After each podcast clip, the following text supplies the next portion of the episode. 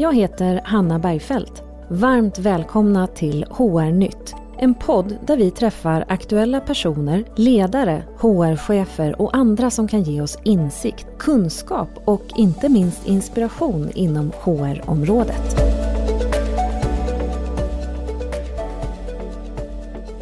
Emma Egnell, etnolog, ekonom och medgrundare av Hej Engagemang.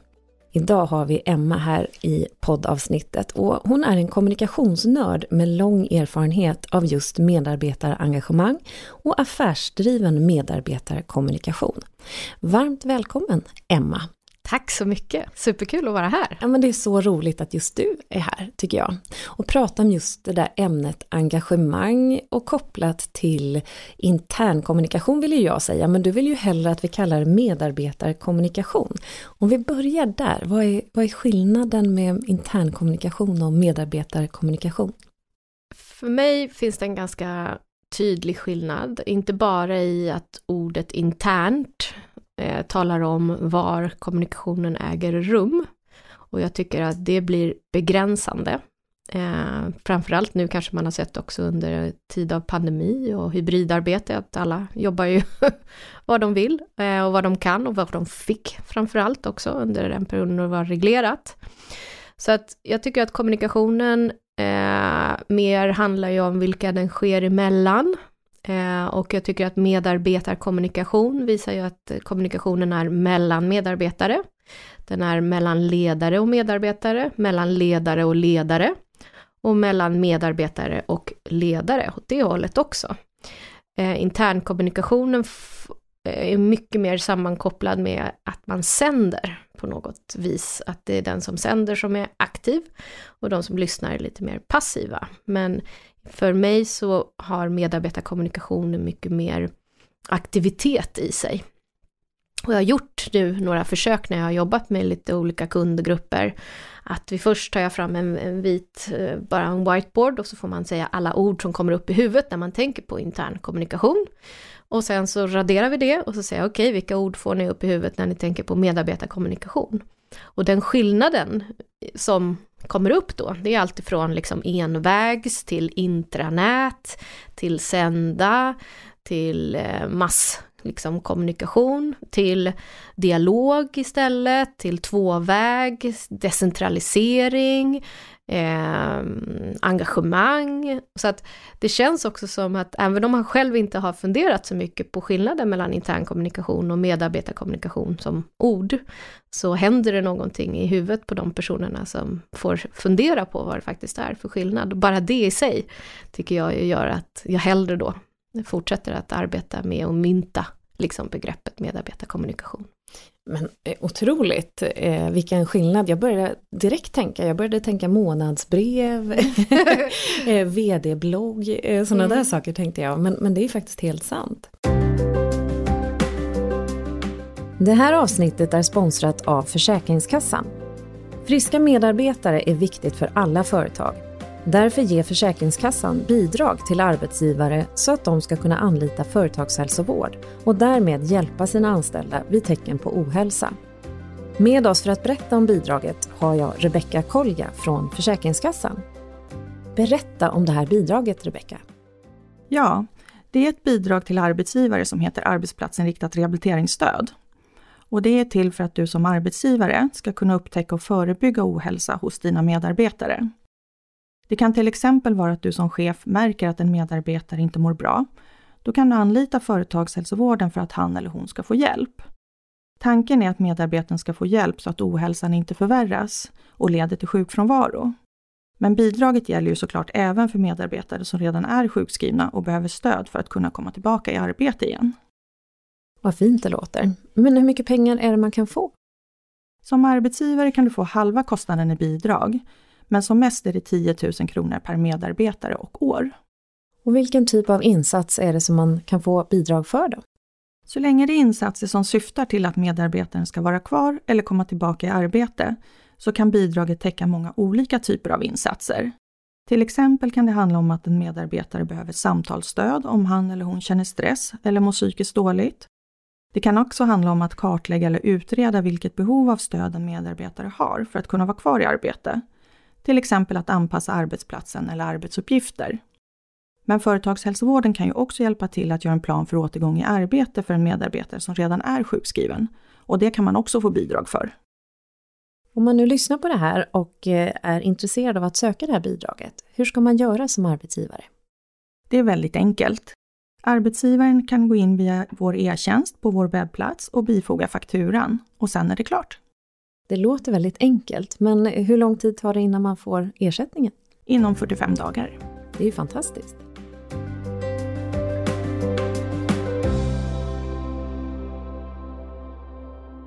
Men, men du, eh, kopplat till att du då är en kommunikationsnörd som jag tror att du mm. själv har kallat dig och eh, verkar brinna för de här frågorna. På vilket sätt ser du kopplingen kommunikation och engagemang? För det är ju engagemang som hela ert eh, bolag handlar om, om ja, jag förstått det rätt. Verkligen, eh, och innan jag eh, mötte engagemang eh, så började det egentligen med en efterfrågan kopplat till nöjda medarbetare. Många som jag träffade i mitt yrke ville ha nöjda medarbetare genom kommunikation då, som jag är kommunikatör. Eh, och tänkte att det är väl bra med nöjda medarbetare. Men sen när jag liksom gick hem och började fnula lite grann på det där så kände jag att nöjt för mig är lite så här tillbakalutat, armarna i kors, jag är nöjd, jag är nöjd, om någon mm. kommer på restaurang och frågar om man vill ha någonting mer. Nej, jag är nöjd. Det händer liksom ingenting i det. Men så tänkte jag, det är väl egentligen engagerade medarbetare, alltså någon som har liksom kraft i steget, som eh, nu är jag lite själv allergisk mot det här uttrycket göra det lilla extra, för jag tycker inte att det handlar så mycket bara om det, utan vi brukar prata mer om att det handlar om en frivillig ansträngning, det vill säga att man faktiskt gör någonting för att man ser att det här kommer skapa värde på ett eller annat sätt. Och eh, den kommunikationen som då behöver egentligen vara på plats för att man hela tiden ska skapa det här värdet. Det är den som är den kommunikationen som jag är ute efter. Så att hur ser man till att planera sin kommunikation med sina medarbetare oavsett vilken den här medarbetaren är. Alla är ju medarbetare i en organisation oavsett om man är ledare eller inte. Eh, så eh, måste man se till att man har en strategisk tanke bakom för att man hela tiden ska liksom bygga trygghet med kommunikationen. Och jag tänker att en organisation som är trygg har också större förutsättningar att faktiskt också kunna känna sig engagerad i det man håller på med. För man behöver inte söka efter information eller vara orolig när en eller två nyckelpersoner går in i ett mötesrum och stänger dörren bakom sig och man behöver inte fundera på, hmm, vad ska de prata om? Eh, utan man vet att när det finns någonting här som jag behöver veta för att kunna bli bättre eller göra mitt arbete bra, så kommer jag få veta det i sinom tid. Att det finns en trygghet i en struktur kopplat till kommunikationen. Um, så det är väl liksom det som är grundförutsättningen någonstans, att det finns en plan. Och att jag som medarbetare också känner till den planen. För att det räcker ju inte med att kommunikationsavdelningen eller de som har liksom mer uttalat ett kommunikativt ansvar. Jag tycker att det är bra om alla har ett kommunikativt ansvar. Men om de också i sin tur gör det budskapet gemensamt med sin organisation. Att liksom, det här är det sättet vi tänker att vi ska arbeta med vår kommunikation. Och är det någonting du saknar så är det bara att liksom räcka upp handen och se att du, ja, och efterfråga det du behöver helt enkelt. Och det, det som du är inne på egentligen, det, det kopplar ihop egentligen till ledarskapet eller eh, jag tänkte spontant på den här eh, teorin om psykologisk trygghet, mm. att känna att man, man vågar tänja på gränser när man är i en trygg miljö ja. och där kopplar du ihop det då med kommunikation. Så har jag mm. aldrig tänkt förut ja. men det är ju såklart jätteviktigt. Precis, vi grundar ju egentligen allt arbete vi gör i Heja Engagemang på motivations och engagemangsforskningen och den arbetspsykologiforskningen som finns och det är ju self-determination theory som du syftar på är ju en, en verkligen en fundament i den forskningen. Eh, så den använder jag supermycket när jag är ute också och jobbar med mina kunder kopplat till att vi behöver få människor att kunna känna just att de, har, att de är kompetenta, de klarar av de arbetsuppgifterna de har och det är en av de sakerna som ligger i det är ju naturligtvis att de ska ha rätt verktyg, rätt resurser, rätt kunskap vid rätt tillfälle. Så absolut går det att koppla ihop med, mm. med de psykologiska behoven. Och om man tittar på autonomin som är ju en, en av de andra beståndsdelarna i den här teorin, så handlar det ju om att man ska få vara en medskapare i huret. Eh, och det kan man ju egentligen bara bli om det finns ett tydligt varför och fall det finns ett tydligt vad. Och det är det som jag också uppmanar eh, ledare att vara duktiga att kommunicera kring. Ju högre ledare du är i en organisation, ju mer vad och varför-frågor tycker jag att du ska fokusera på. Eh, och sen så tycker jag att ledare som är närmare verksamheten kan fokusera mer på vem budskap och sen framförallt hur budskapen ska man ju ta fram tillsammans med medarbetarna som är närmast kunden, som är närmast verksamheten, som är experterna på den delen. Och har man en stor frihet i hur man ska utforma sina arbetsuppgifter så får man ju massa autonomi. Och har man, känner man känslan av autonomi så är också förutsättningarna för att kunna känna sig engagerade mycket, mycket högre. Och den tredje delen handlar ju om samhörighet. Och det är klart att man kan känna samhörighet tack vare organisationens kommunikation kopplat till värdegrund, till vision, mission, det vill säga det jag gör och kommer hit för att göra varje dag är superviktigt. Jag är inte bara här och har hand om ekonomin på det här bolaget, utan jag bidrar till den samhällsuppgiften som mitt bolag på något vis kanske genererar. Just det. Så att jag tycker absolut att det finns supertydliga korrelationer med självbestämmande teorin och medarbetarkommunikation. Mm. Och jag, och jag tänker att det blir, eh, det är så lätt tycker jag ibland att man är på vissa bolag som har en en toppledning eller vad man ska säga, hur man ska uttrycka det, som, mm. som har en ganska, ganska klar bild över riktningen eller vad, varför, det som du nämner. Man kanske också har eh, jobbat igenom eh, olika mm, processer eller bakgrunden till att man gör en mm. förändring till exempel. Och så kommunicerar man ut det men kanske man gör bara en gång eller sådär. Det, mm. det tycker jag är lite sådär återkommande klassiskt men det kan vara svårt att se när man är mitt i det. Mm. Men däremot kan man efter ett tag så zooma ut och se att ja, men, ni, ni är ju tio steg fram, framför ja. övriga här som är mottagare av informationen till exempel mm. och så kan ni vara frustrerade för att alla inte bara fattar galoppen eller inte är lika engagerade eller vad det nu kan vara för någonting.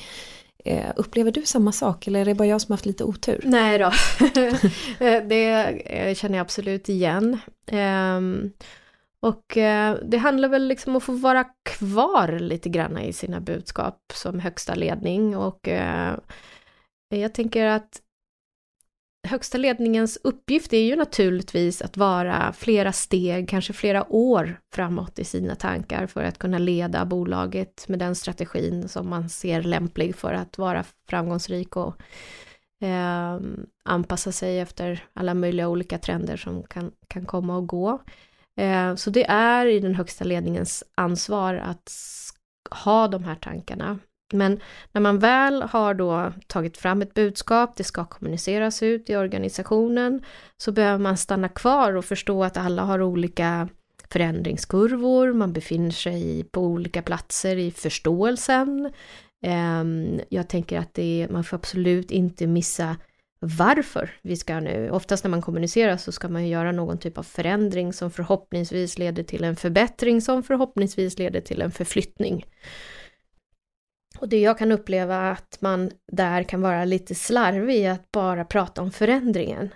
Eh, och har man då som medarbetare inte sett att det här som vi gjorde på sätt Y eller X var ett problem för någon, utan man tycker att det funkar jättebra, då får man ganska lite förståelse för varför vi ska göra den här förändringen, för man tycker inte att det blir en förbättring eller eventuellt en förflyttning mot något håll. Så att, att vara kvar i varföret, att innan man börjar basunera ut de förändringar och om det är många delar en stor kommunikation, så bör man säkerställa att alla fattar varför. Tänker jag, innan man sen börjar gå ner i vad, i vem och i hur. Mm. För har man inte fått med sig eh, organisationen i varför den här förändringen, förbättringen, förflyttningen är nödvändig, då är det jättesvårt att känna engagemang för den frågan. Mm. Så att eh, jag tror absolut att man skulle kunna tjäna på att eh, vara kvar lite längre i sina budskap och se till att säkerställa att man verkligen har liksom eh, fått med sig. Man behöver ju säga, eh, det, jag ska försöka förklara det här.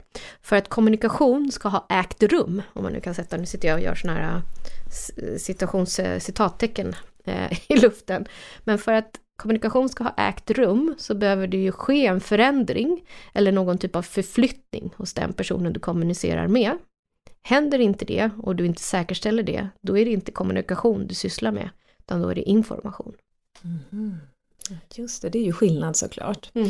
Jag tänker också på att nu, nu pratar vi om kommunikation som, som en nyckel till engagemang. Mm. Eh, och i vår omvärld så är det ju lite stökigt just nu och i alla mm. fall jag upplever att det är många bolag som, som gör en del förflyttningar, man kanske behöver eh, effektivisera verksamheten och det behöver inte alltid vara positivt laddade eh, situationer för många medarbetare. Kan man förvänta sig då att det ska bli ett engagemang eller att det ska bli kommunikation på det sätt som du beskriver trots att man kanske tar del av information och man kanske till och med förstår att det här bolaget behöver mm. omorganisera sig till mm. exempel. Mm. Alltså det är såklart att arbeta med den typen av kommunikation är ju den mest utmanande liksom, kommunikationen som finns. Men vi har ju sett exempel på när man arbetar strategiskt och planerat med medarbetarkommunikation så eh, kan ju till och med engagemanget gå upp i samband med att en organisation ska avvecklas helt till exempel. Och där har vi ett exempel eh, i Radiotjänst i Kiruna som ju bestämdes att det skulle läggas ner och att public service-pengen eh, skulle gå direkt i deklarationen och på skatten.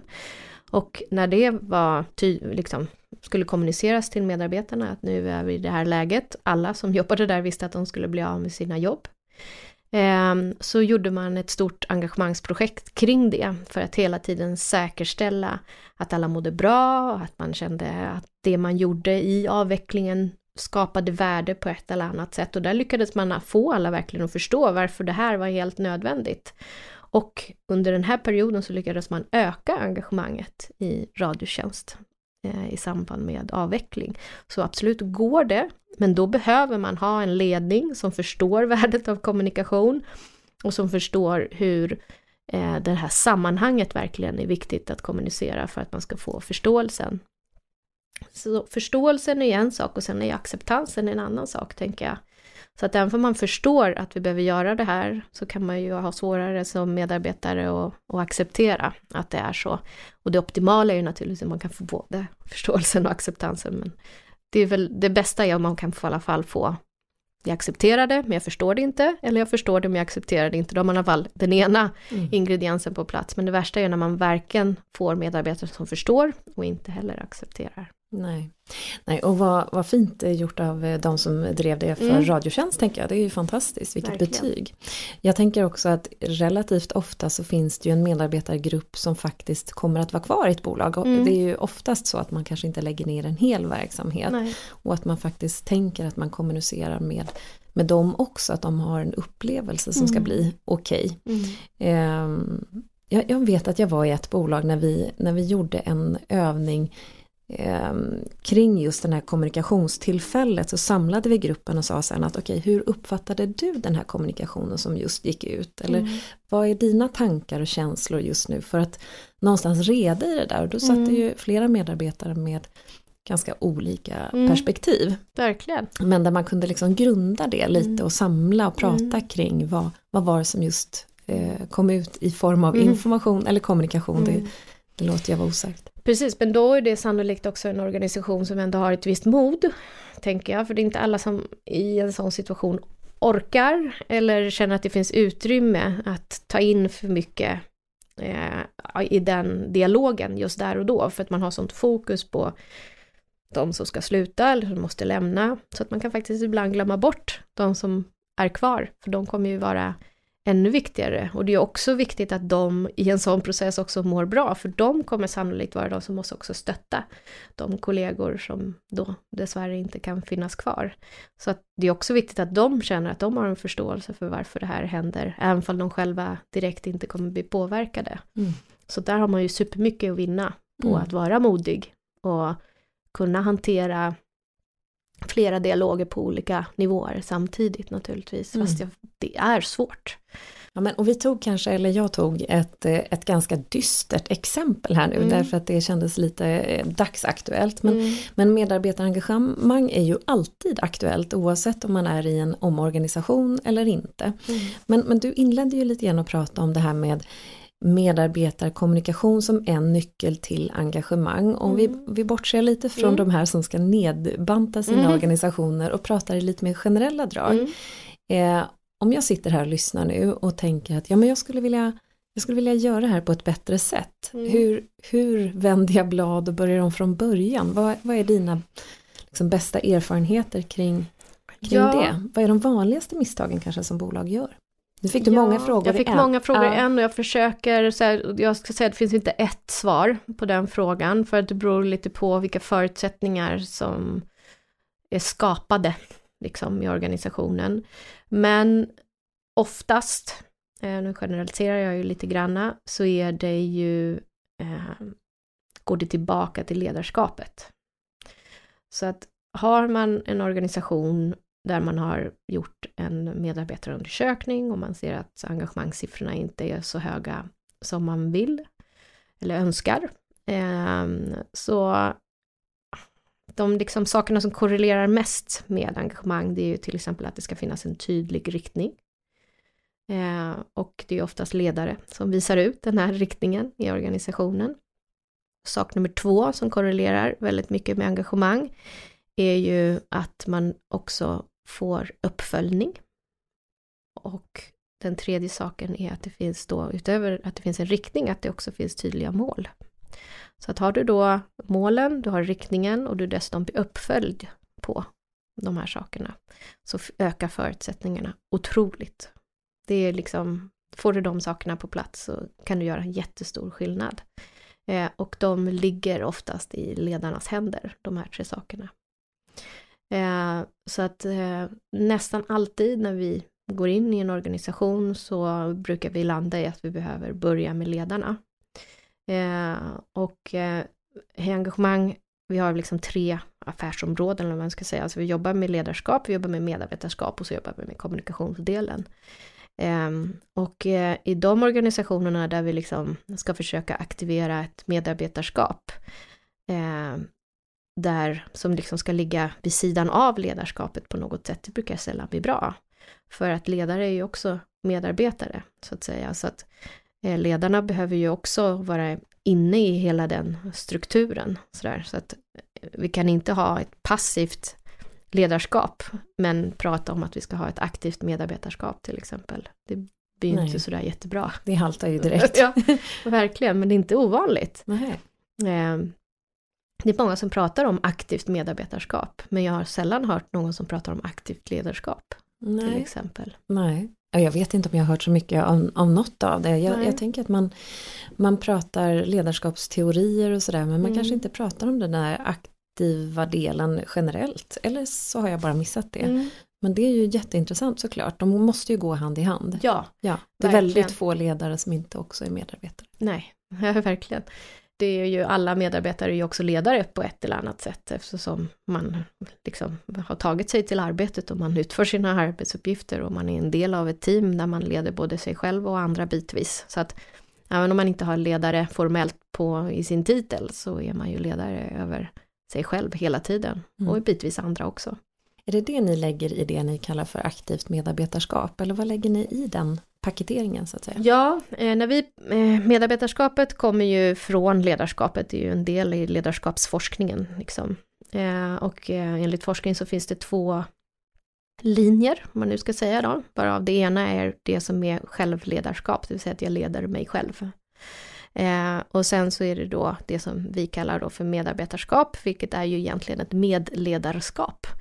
Det vill säga att den ledaren avstår lite från sin formella makt eller den formella delen av, av ledarskapet för att göra det tillsammans med sina medarbetare. Eh, Så att det är ett medledarskap eftersom man är ju varandras arbetsmiljö eh, och man är ju medskapare eh, av allting som sker. Så att när vi pratar om medarbetarskap så handlar det väldigt mycket om att man gör det tillsammans. Eh, Så att det inte handlar bara om att i självledarskapet så handlar det ju om att leda sig själv. Medled- medarbetarskapet handlar ju också om att leda sig själv i samvaro med andra. Mm. Mm. Och se en, någon typ av ansvar och ägarskap i det då antar jag. Eh, vilket då kopplar väldigt fint ihop med de här mål, målteorierna som du Mm. nämnde om, Mm. om det här med att sätta riktning, att ha ett Mm. mål och sen att bli uppföljd på det. Verkligen. Såklart. Mm. Och sen så pratade du om det här med kommunikation som en förutsättning egentligen för Mm. att kanske lyckas med att eh, både veta vad som förväntas av mig eh, men också kanske få den informationen då Mm. som krävs för att jag ska kunna eh, genomföra mina uppgifter eller vad det nu kan vara för någonting. Ja, så själva ordet, alltså kommunikation som ord och dess betydelse handlar att, det betyder att göra någonting gemensamt. Mhm, gör det det? Mhm. Ja, det, var, det var något nytt för Mm. mig. Ja, perfekt. Eh, och för man då inte delar med sig och inte gör saker och ting gemensamt med andra, då har man ju svårt att förstå den andra människans intentioner. Och tänk dig då om det är ett bolag med 4 000-5 000 anställda, Mm. där man inte gör de här, man inte gör saker och ting gemensamt med andra, så att säga, att man inte delar med sig av sina intentioner. Nej. Då är det ju jättesvårt för medarbetarna att veta vilken riktning eh, vi har och vilka mål vi har Mm. och hur jag kan bidra Mm. på mitt sätt. Om man vill eh, bli bättre på det här med kommunikation Mm. och man vill att det ska koppla ihop med både bolagets mål, syfte och, och eh, också att bygga ett engagemang eh, i sitt bolag Mm. genom kommunikation. Vad skulle kunna vara det första steget att eh, börja med, tycker du? Om du fick rita på ett blankt ja, papper. på ett blankt papper så skulle jag väl säga att jag skulle satsa på att vara så effektfull som möjligt.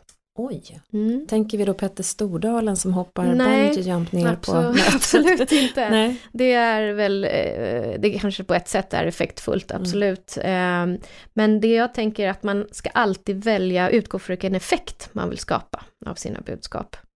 Så att eh, om jag hade varit en ledningsgrupp eh, och jag tänker att jag ska bli duktigare på vår medarbetarkommunikation, då hade jag lagt till i min eh, agenda, i min ledningsgrupp, att så fort vi har kommit fram till någonting som ska kommuniceras ut till organisationen så ska vi alltid eh, säkerställa vilken effekt vi vill ha med det här budskapet. Och eh, vill man ha effekten kunskap, kännedom till exempel, då kan det funka ganska bra med information bara, det vill säga att man publicerar det på ett intranät eller man skickar ut ett mejl om det eller man berättar om det på ett veckomöte. Men vill man ha effekten, engagemang, ägandeskap och handling, då behöver man ha samtal, dialog, möjlighet att ställa frågor, möjlighet att kanske sätta gemensamma mål. Så att man gör det gemensamt till någonting gemensamt. Har du och jag bestämt någonting tillsammans, då kommer ju både du och jag ta ansvar för att det sker, än om jag bestämmer någonting själv och bara säger åt dig att du ska göra det. Så att vill man skapa effekten kunskap och kännedom, då kan man kommunicera på ett sätt. Men vill man skapa effekt, engagemang, ägandeskap och handling, då kanske man behöver ha en workshop eller vi behöver ha ett större möte kring det här eller vi behöver jobba eh, interaktivt där medarbetarna får komma till tals med hur det här ska lösas. Mm. Så det jag brukar säga är liksom att vi vill hjälpa medarbetarna att gå från att kunna någonting, det vill säga rent intellektuellt, säga ja, jag kan det här, eller jag förstår det här, eller jag känner till det här, till känna, det vill säga att det börjar gå ner i bröstet och i hjärtat kanske förhoppningsvis, att man känner så mycket för ett budskap och det har varit fantastiskt. Sen går det ner i magen och då börjar plötsligt man vilja någonting och sen göra. Så ska man lotsa medarbetarna för att kunna, känna, vilja, göra, så behöver man se till att man får med sig dem hela vägen. Så att är man nöjd med effekten kunskap och kännedom, det kan man ju vara ibland. Så här, vi ska sluta med det här och vi ska börja med det här. Det behöver inte ändra något beteende egentligen sådär, men det är bara någon liten rutingrej eller någon process som ändras. Här. Ja, det kan man kommunicera på ett sätt kring. Men just de här större sakerna, beteendeförändringar eller saker över tid som vi ska förändra. En ny strategi, en helt ny riktning för vårt bolag. Eh, då behöver man jobba på ett helt annat sätt för att man ska få alla medarbetare att börja göra det här. Eh, så att skulle jag börja blankt blad, så här, ge ett tips, så skulle jag börja som ledningsgrupp eller eh, personer som är ansvariga för att budskap ska ut i organisationen, att alltid säkerställa att man har tagit reda på vilken effekt man vill ska liksom hända. Vilken är effekten av det här?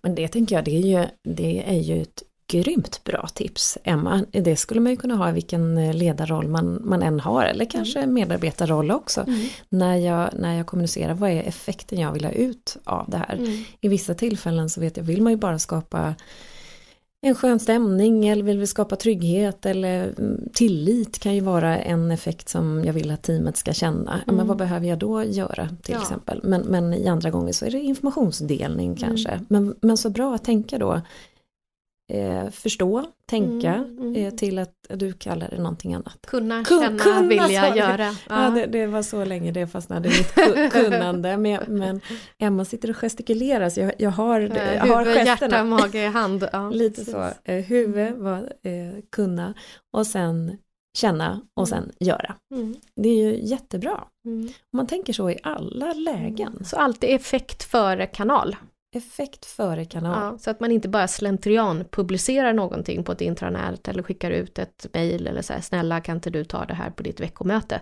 Mm. För att det är så man brukar göra. Men mm. först måste man ju se vilken effekt man vill ha innan man väljer vilken kanal och vilket format mm. för kommunikationen och inte bara köra som man brukar. För det är ju ganska bekvämt att bara skicka ett mejl eller publicera något på ett intranät och säga mm. att nu finns informationen här, då är det upp till dig att ja, läsa den. Precis, men då kan man inte säkerställa att den där förändringen eller den där processen börjar som jag just kom åt, för det är det som är definitionen av kommunikation. Nej. Skickar man bara ut mejlet, mm. du har ingen aning vad som händer på andra sidan. Om Nej. du inte ber om att få liksom tillbaka någonting, alltså att du slutar ditt mejl med en fråga, en aktivitet som den här medarbetaren ska göra för att du ska säkerställa att den här processen har påbörjats. Mm. För annars är det information, då är det inte kommunikation. Nej.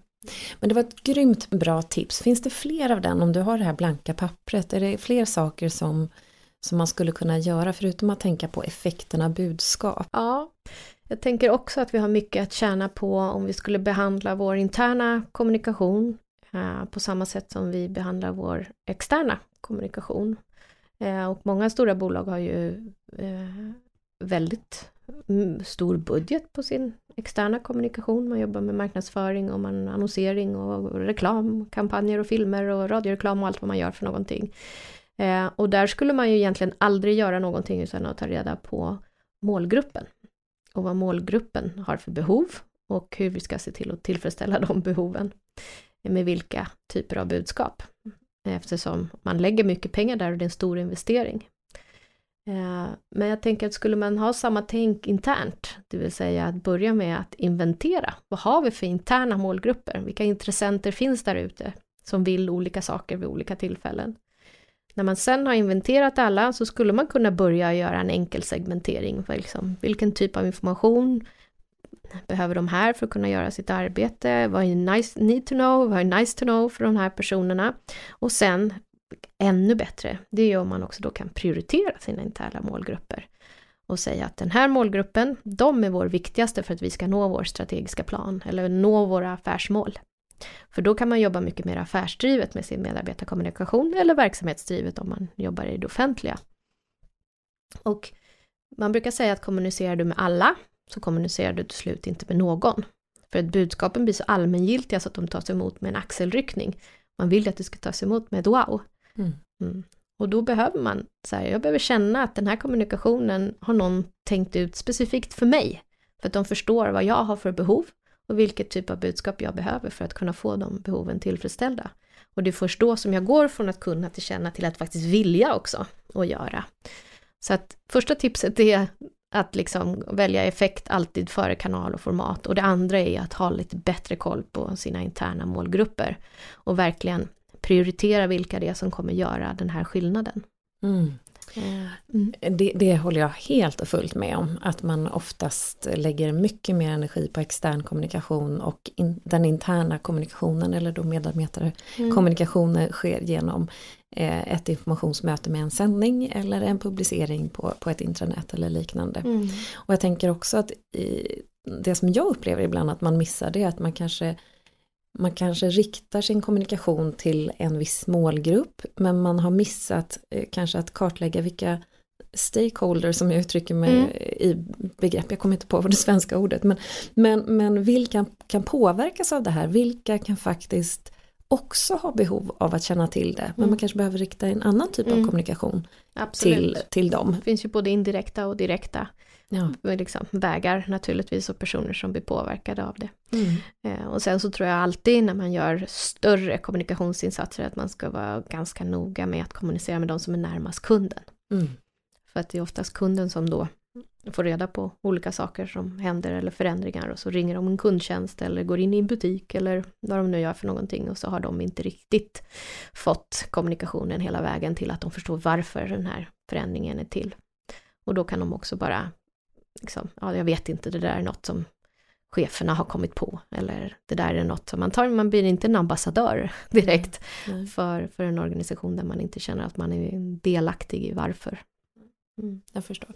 Och eh, vi 5HR, vi, vi, träffar ju lite olika typer av bolag, både stora, eh, mindre och vissa som har väldigt utvecklat HR-arbete och andra som har behov av att sätta det på kartan för första gången och sådär. Mm. Och jag tänker att på samma sätt så måste ju du möta kunder som kanske när, när de blir en kund till er så vill de ju göra en typ av förändring. Mm. Finns det några sådana här eh, lyckosamma exempel som du kan dela med dig av där det har blivit riktigt bra eller när man har sett att det här har fått en väldigt fin effekt kanske det här bolaget? Ja, alltså gemensam nämnare för de eh, projekt eller de kunder där det har blivit liksom extra bra ska jag väl säga är när liksom poletten kring skillnaden mellan information och kommunikation. Man fattar att det här är en skillnad. Eh, jag ska säga att eh, en framgångsfaktor är ehm, också den här som vi började prata om egentligen, att man är kvar lite längre och inte hastar vidare till nästa beslut och nästa, nästa grej. Eh, sen tror jag också att de organisationerna som också tittar på att liksom decentralisera kommunikationsansvaret lite mer, det vill säga att man ska försöka få ut det i organisationen. Eh, att alla är medskapare av de budskap eh, som vi har här, att alla tar ett större ansvar kring det, har ju också hjälpt till att få bort de här lite passiva medarbetarna som mest sitter med armarna i kors och sådär. Så jag vet, det där har jag inte hört någonting om. Så här, för att man har ett eh, kommunikativt ansvar själv. Eh, att ta reda på saker och ting också, att hålla sig ajour för att det finns en trygghet och det finns ett system så att säga så att det ska vara lätt att, göra rätt. Så jag ska säga så här, när man har det kommunikativa ledarskapet på plats, man har det kommunikativa medarbetarskapet på plats, då har man ju förutsättningar för att bli en, liksom en kommunikativ organisation. Och det vi kan se i forskning är ju att liksom eh, lyckliga kommunikativa organisationer är också mer lönsamma. Så man kan ju säga så här, happy numbers makes happy people och happy people makes happy numbers. Så det, det, hänger ju verkligen ihop i korrelationen för att man går till arbetet och faktiskt kan fokusera på sina arbetsuppgifter och inte på att vara rädd eller misstänksam eller fundera över vad folk gör eller stå och skvallra eller ja, vad det nu man kan uppta sin tid med på arbetsplatsen så kan man få till de här systemen så finns det ju otroligt mycket att vinna i effektiviteten också i, i organisationerna. Men verkligen. Det, och jag tycker att du har varit inne på så många olika eh, bra delar Emma. Jag försöker liksom sammanfatta mm. lite men du, du har pratat om det som eh, jag kopplade ihop med psykologisk trygghet egentligen men mm. att du mm. pratade om det här med att vad och varför ska vi liksom kommunicera någonting mm. till vem kommunicerar vi och sen kommer man ner till huret mm. eh, pratade en del om att skapa en, en trygg organisation som gör att man inte går och funderar på varför går de där två personerna och, och pratar i det där rummet just nu utan att man känner den typen av tillit eh, så bra du pratade också om det här som är, handlar om, om målsättning, mm. den teorierna bakom det, att, mm. att uh, få en tydlig riktning, vart mm. är vi mm. på väg som bolag ja. kanske? Precis, och där jobbar vi med Goal Setting Theory, mm. som är uh, en målsättningsteori, kunde man nästan förstå. Man mm. hör namnet. ja, det var en bra. Ja, precis. Eh, och det handlar ju jättemycket om att gå ifrån det klassiska, att bara jobba med resultatmål, eller effektmål beroende på vad man kallar det för. Eftersom resultatmålen är inte alltid någonting som vi medarbetare kan påverka. Eh, oavsett hur mycket vi jobbar och hur duktiga vi är. För att det är så många saker i omvärlden som påverkar. Det kan vara konkurrenter, kan vara att det är en överetablering, det kan vara en pandemi, det kan vara en, ett krig i Ukraina, energikrisen, alltså så många saker som jag inte kan påverka alls. Men det är det jag blir mätt på mm. och utvärderad efter. Så att det Goal Setting Theory handlar om, det är att man har naturligtvis resultatmål. De ska finnas där och visa riktningen. Eh, men sen så tittar man på, okej, okay, vilken prestationsmål behöver vi då ha på plats för att vi ska kunna nå våra resultat utefter vår kompetens och det vi kan påverka. Så vad ska jag prestera för att jag ska kunna nå resultatmålen? Sen bryter man ner prestationsmålen i vad behöver jag då lära mig i sin tur för att kunna prestera, för att kunna nå resultatmålen. Och sen ytterligare ett steg, vilka processer, vilka processmål behöver vi ha på plats för att jag ska kunna ha en lärande organisation där jag kan prestera för att nå resultaten. Mm. Och de här målen kan man ju ha övergripande på organisationsnivå, man kan ha dem på avdelningsnivå, man kan ha dem på teamnivå. Och jag har jobbat med organisationer där vi till och med jobbar med dem då på individnivå. Så om vår avdelning har de här prestationsmålen, vad måste jag då prestera för att bidra till det? Vad måste jag som individ lära mig? Och vilka processer, arbetssätt, verktyg behöver jag ha på plats för att jag ska kunna vara med hela vägen? Så det man kan göra då, det är att de här målen, processmålen, de har vi liksom kommit i mål med, då kan vi fira.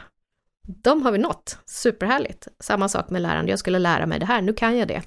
Perfekt, nu har jag kommit i mål med det målet, då kan jag fira. Eh, och sen med prestationerna. Så det som blir fint här, det är att man kan också fira och uppmärksamma slitet, oavsett om man nådde resultatet eller inte. Så att slitet kan ju vara en fantastisk, alltså prestationen är underbar, men förutsättningar som vi inte kunde påverka gjorde att vi inte nådde våra resultatmål. Men har man då en organisation som bara har resultatmål, det gör ju att ja, man kommer inte komma i mål på samma, i samma utsträckning, vilket gör att man inte kan fira slitet. Man kan inte uppmärksamma slitet för att vi nådde inte dit vi skulle. Liksom. Så att när man jobbar med kommunikation så kan man ju också prata och kommunicera om prestationsmålen och lärandemålen i organisationen så att de också är levande. Och de kan man ju justera äh, i liksom månadsvis om man vill eller kvartalsvis. Så att det blir också ett mycket mer levande arbete som också skapar engagemang för jag kan vara med och påverka mm. mycket mer. Och det blir också ett verktyg då för ledarna att jobba med den här uppföljningen som jag pratade om. Precis, för uppföljning var ju det som, mm. som du nämnde som den sista delen i den där treenigheten. Och jag sitter här och mm. funderar på, det här går ju ganska mycket ihop med growth mindset, att hela tiden fortsätta försöka och att det är ansträngningen snarare vi ska Verkligen. fokusera på än om jag klarar just en, en mm. leverans eller vad det mm. kan vara för någonting. Ja men det, det är väl härligt när forskningen ändå visar saker som går att mm. jacka ihop. Då, då, har det ju antagligen ganska bra evidens då. Verkligen. Eh, helt enkelt. Mm. Ja men vad fint. Eh, Emma, vi, jag brukar alltid i den här podden fråga om misstag och det handlar ju egentligen inte om att jag vill att man ska blotta sig och, och, sitta och känna sig dum eller så, det, det är jag inte alls ute efter. Utan jag är ute efter att, att man ska bli bättre på att dela med sig av misstag för mm. att se det som ett lärande. Eh, och jag har själv eh, gjort massa misstag i både min karriär och mitt liv. Eh, men jag är lite nyfiken på dig. Finns det någonting som du kan dela med dig av i form av misstag? Ja, jag visste ju lite att den här frågan skulle komma. Så jag funderade på det och det känns ju superlöjligt att säga att jag kunde inte komma på några misstag. Vad skönt! Ja, men eh, till saken hör att det är nästan lite så, för att jag tror att eftersom jag jag misslyckas, eller jag, jag, gör misstag, det gör jag såklart, men jag lär mig så mycket av mina misstag så jag tror att här, hjärnan har, mm, det vet inte jag, man har skalat bort dem som någonting dåligt, utan det som är kvar är det jag har lärt mig. Det kan låta superklyschigt fattar jag också. Men, men det jag kom på som var, fast det är mer ett misslyckande. Men mm, ta det då. Det tar det, och det var ett stort, eh, vi skulle göra en jättestor festival och event för eh, influencers. Olika, eh, och det här är alltså det måste vara fyra eller nästan fem år sedan. Det var ganska liksom. Preskriberat. Ja, det är kanske lite preskriberat, men vi var också väldigt tidigt ute ja. med att vi skulle eh, skapa en arena där vi skulle ha en akademi för ungdomar som ville lära sig mer om uh, hantverket bakom att bli liksom en youtuber eller jobba eh, ha det som sitt yrke, att inte bara vara en hobby och ingenting som vi vuxna bara kunde liksom rycka Eh, för axlarna för. Eh, vi ville göra en, en, festival, vi ville att alla ungdomar skulle, och barn skulle få träffa sina idoler och lära sig någonting av dem. Och sen hade vi ett business to business spår, där hur kan varumärken jobba eh, med influencer marketing då. Och tillsammans med ett stort produktionsbolag också. Och eh, vi jobbade och jobbade och vi hade många kontakter direkt med de olika influencernätverken och sådär. Men eh, när det var ungefär 4-5 veckor kvar så hade vi sålt en, en, väldigt liten bråkdel av så många biljetter som man behöver sälja när man vill göra en arena-upplevelse. Eh, så att det hade inte blivit en arena-upplevelse. Så vi med fem veckor kvar innan genomförandet så fick vi lägga ner den här väldigt ambitiösa eh, festivalen. Så ja, det var ju ett misslyckande för att vi inte kunde genomföra det. Eh, men samtidigt så lärde vi oss ju väldigt mycket på vägen. Och det vi kunde genomföra var själva business to business-delen av den och den var superväl besökt. Eh, och vi fick jättefina utvärderingar av den. Så att jag tror att varumärkena var mer liksom benägna att förstå Eh, hur de behövde jobba med de här individerna med olika typer av influencers. Eh, men jag tror att ungdomarna eh, inte var villiga att betala faktiskt för att träffa sina personer för att de hade så mycket gratis tillgång till dem via Instagram. Eh, då fanns ju inte TikTok men Musical.ly som var det som blev TikTok och YouTube då bland annat. Så det var ju en, en eh, lärdom att vi såg att det skulle finnas en tydligare konvertering som inte faktiskt var på plats eh, då. Och det här är ju då som sagt, eh, det är nu fyra eller fem år sedan, men som sagt det är ganska lång tid sedan. Så vi var nog lite före och kanske inte att vi lyckades få de som vi ville skulle köpa biljetter på, på målgruppsanpassningen så tror jag inte vi var så duktiga på att kommunicera med dem på det sättet som vi hade behövt för att de verkligen skulle göra, gå till köp liksom, köpknappen. Ja. Nej, men det, var, det var väl ett jättebra misslyckande, ja. tänker jag, eh, utifrån lär... Lite dyrt kanske det blev, men, men som sagt, vi lärde oss mycket av det men, i alla fall. Misslyckanden är ju ofta dyra, ja. oavsett om det är monetära mm. eh, dyrskaper, höll jag på att säga, men, men lärdomar kanske snarare. Eh, mm. Men där kommer du in på det här med liksom att, att rikta sin kommunikation som du själv eh, lyfter som så viktigt, tänker mm. jag, som dina två riktigt bra och handfasta tips. Mm. Eh, att, att fundera ut egentligen vilken effekt av budskap som man har i en organisation. Eh, tänka, känna, mm. göra, vad vill man att mottagaren ska ta emot mm. eh, och hur ska det mm. te sig? Är det ett informationstillfälle eller vill jag skapa en typ av mm. engagemang eller känsla? Verkligen. Så jag tror att många visste, hade liksom kunskap och kännedom om att den här festivalen skulle äga rum. Men man hade inte kommit ner till viljan och till görandet. Nej. Mm. Ja men en, en dyrköpt eh, läxa men mm. det tänker jag, nu, nu delar vi med oss av den och då ja. tänker, alltid är det någon som kan dra en parallell och tänka, har vi tänkt på konverteringen här nu? Hur ska det bli om ingen anmäler sig, vad gör vi då? Mm. Men ibland måste man ju bara köra på också. Ja, så kanske man inte behöver ha då Globen som Nej. första arena. Men varför inte sikta högt? Det är väl mycket roligare Det är mycket jag. roligare, det är klart. Men det är en utmaning att sälja så många biljetter såklart för något som är helt okänt. Så att, ja, mm. Nu tänker jag att ni kanske har en ny möjlighet. Ja, kanske. Lite, lite hetare nu. Ja, får ja. Underbart! Tack snälla Emma för att du delade med dig och också av dina fantastiska tips. Vi, vi börjar eh, runda av här nu mm. i tiden. Eh, men jag tar med mig framförallt effekt av budskap och det här med att hantera intern och extern kommunikation på kanske inte samma sätt men att åtminstone prioritera det i samma utsträckning. Att identifiera målgrupp, eventuella stakeholders och också prioritera i, i den gruppen av mottagare. Mm. Det tror jag att man kommer väldigt långt på. Ja men det är bra. Mm. Tusen tack för att du var här och mm. delade med dig av dina tankar och eh, det som du beskrev som nörderi kring kommunikation. Det märks att du är kunnig på området. Mm. Tack så mycket för att jag fick komma, superkul. Tack!